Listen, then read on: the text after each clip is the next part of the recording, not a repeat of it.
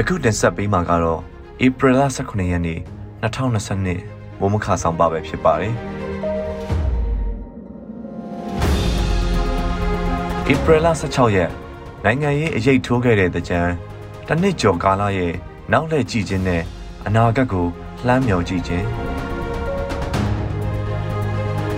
ဆယ်စုနှစ်များစွာအတွင်းမြမရိုးရာတကြံဟာနိုင်ငံရေးအရေးထိုးခဲ့ပြီး နိုင်ငံရေးတိုက်ပွဲမျက်နှာစာတစ်ခုဖြစ်ခဲ့တဲ့တကြံပွဲတစ်ပွဲဖြစ်ခဲ့ပါတယ်။ဒုတိယကမ္ဘာစစ်လို49-50ခုနှစ်တွေကပြည်ရင်းစစ်ကာလလိုမျိုးကိုဗစ်ကူးစက်မှုကြောင့်မကျင်းပခဲ့တဲ့ကာလမျိုးရှိကောင်းရှိခဲ့ပေမဲ့အခုလိုတကြံကိုနိုင်ငံရေးစစ်မျက်နှာတစ်ခုအနေနဲ့အခင်းအကျင်းတစ်ခုအနေနဲ့လူထုထောက်ခံမှုပြသရာအဖြစ်အပျက်တစ်ခုအနေနဲ့ပွဲတော်မျိုးမကြုံခဲ့ကြရဘူးထင်ပါတယ်။ဒီလိုအဖြစ်အပျက်မျိုးအခြေအနေမျိုးဟာ ဆယ်စုနှစ်များစွာအတွင်းပထမဆုံးကြုံကြရတာလို့ညင်းမိပါတယ်။ဘုံကွဲမှုတွေအများအပြားရှိခဲ့တယ်လို့ထိခိုက်ဒဏ်ရာရသူတချို့လည်းရှိခဲ့ပါတယ်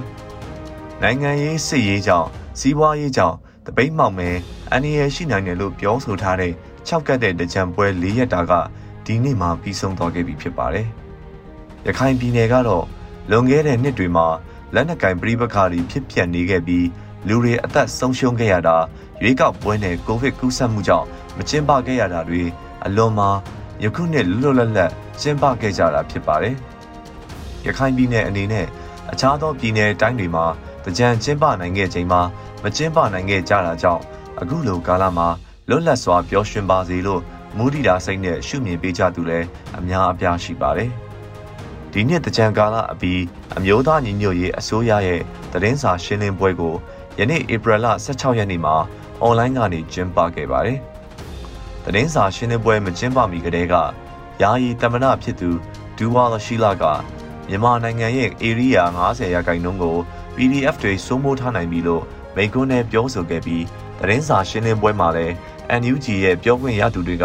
နယ်မြေအဖြစ်90ရာခိုင်နှုန်းလောက်ကိုစိုးမိုးထားနိုင်ပြီလို့ဆိုပါတယ်။အဲ့ဒီဒေတာတွေမှာ အုပ်ချုပ်ရေးတရားစီရင်ရေးတွေစတင်လှုပ်ဆောင်နေပြီလို့လည်းဆိုပါတယ်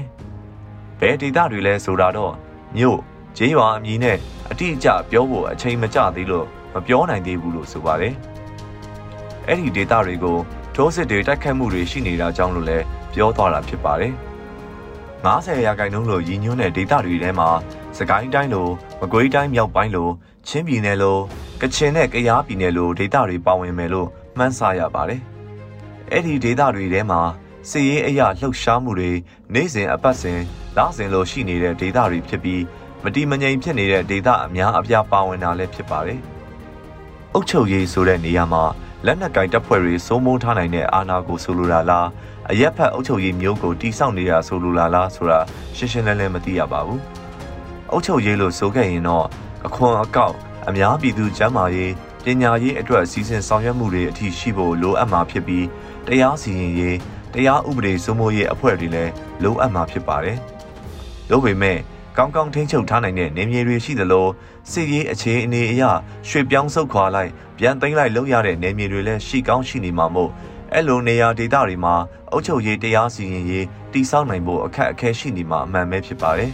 ။ NUG အစိုးရဖွဲ့စည်းပြီးတစ်နှစ်တာကာလမှာ PDF ဖွဲ့စည်းပြီးနောက် တစ်နှစ်နီးပါးအကြာမှာ PDF အင်အားဘလောက်ရှိလာပြီလဲအင်အားဘလောက်ရာနှုန်းက NUG ရဲ့အမိတ်ပေးညွှန်ကြားမှုအောက်မှာရှိပြီးကျန်တဲ့အဖွဲ့ဘလောက်ရာခိုင်နှုန်းကဒေတာအလိုက်ဖွဲ့စည်းထားတဲ့ PDF အဖွဲ့လဲစတာတွေကစစ်ရေးအရာအရေးကြီးပြီးလျှို့ဝှက်ရမယ့်အချက်လက်တွေဖြစ်လို့မထုတ်ပြန်တာမျိုးလဲဖြစ်ကောင်းဖြစ်ပါလိမ့်မယ်။ဒါ့ပေမဲ့ NUG အနေနဲ့တော့ ဂုံလုံခဲ့တဲ့တနစ်တာကိုပြန်သုံးတက်ပြီးမှန်ကန်တဲ့နိုင်ငံရေးစစ်ရေးလမ်းစဉ်ကိုဆက်လက်ကျင့်သုံးတာမာရွေးတဲ့လမ်းစဉ်တွေကိုပြင်ဆင်ဖို့လိုအပ်မယ်လို့ထင်မြင်မိပါတယ်။ဒလန်ရှင်းလင်းရေးလိုလှုပ်ဆောင်မှုမျိုးတွေကလူအခွင့်အရေးစံချိန်စံနှုန်းတွေနဲ့ကိုက်ညီမှုရှိမရှိဒလန်ဆိုတဲ့ဆွဆွဲမှုကဘလို့လှုပ်ဆောင်မှုမျိုးကိုခေါ်ဆိုတာလဲ NUG အနေနဲ့သတင်းပေးသူဖြစ်ခဲ့ရင်တော့ သူ့ကိုတေးတံပေးတဲ့မသိစတဲ့နိုင်ငံတကာလူအခွင့်အရေးစံနှုန်းတွေနဲ့ရှင်ပြီးလမ်းညွှန်မှုတွေညွှန်ကြားမှုအမိန့်တွေထုတ်ဖို့လိုအပ်မယ်လို့လည်းမြင်မိပါတယ်။ဒလန်ရှင်းလင်းရေးကမြို့ရွာတဲ့ကြေးရွာတဲ့လက်စားချေမှုတွေမတဲ့သူတွေကိုရောက်ချဖို့အခွင့်အလမ်းသို့မဟုတ်အုပ်ချုပ်ရေးထောက်တိုင်ဆိုတဲ့စကားလုံးနဲ့တပ်ဖြတ်တာတွေကလက်ဝဲဆုံးအယူအဆတွေထဲကြားရောက်ပြီးသမိုင်းမှာအမဲဆက်တွေထင်ကြရနိုင်ပါတယ်။လောက်ချန်တပ်ဖြတ်မှုတွေကလူမှုအတိုင်းအဝိုင်းထဲမှာလည်း ကြီးမားတဲ့ဒဏ်ရာတွေဖြစ်နိုင်ပြီးဆယ်စုနှစ်နဲ့ချီဆွဲကြံရနိုင်ပါတယ်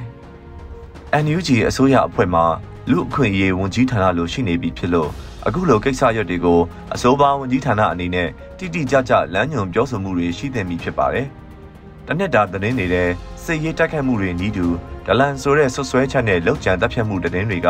အရေးအတွက်ဇာတူနီးပါဖတ်ရှုနေခဲ့ရတာဖြစ်လို့ဒီကိစ္စနဲ့ပတ်သက်လို့ရန်လဲသုံးသပ်ပြောဆိုမှုတွေရှိသင့်ပြီလို့ ယူဆရပါတယ်ခင်ဗျာ။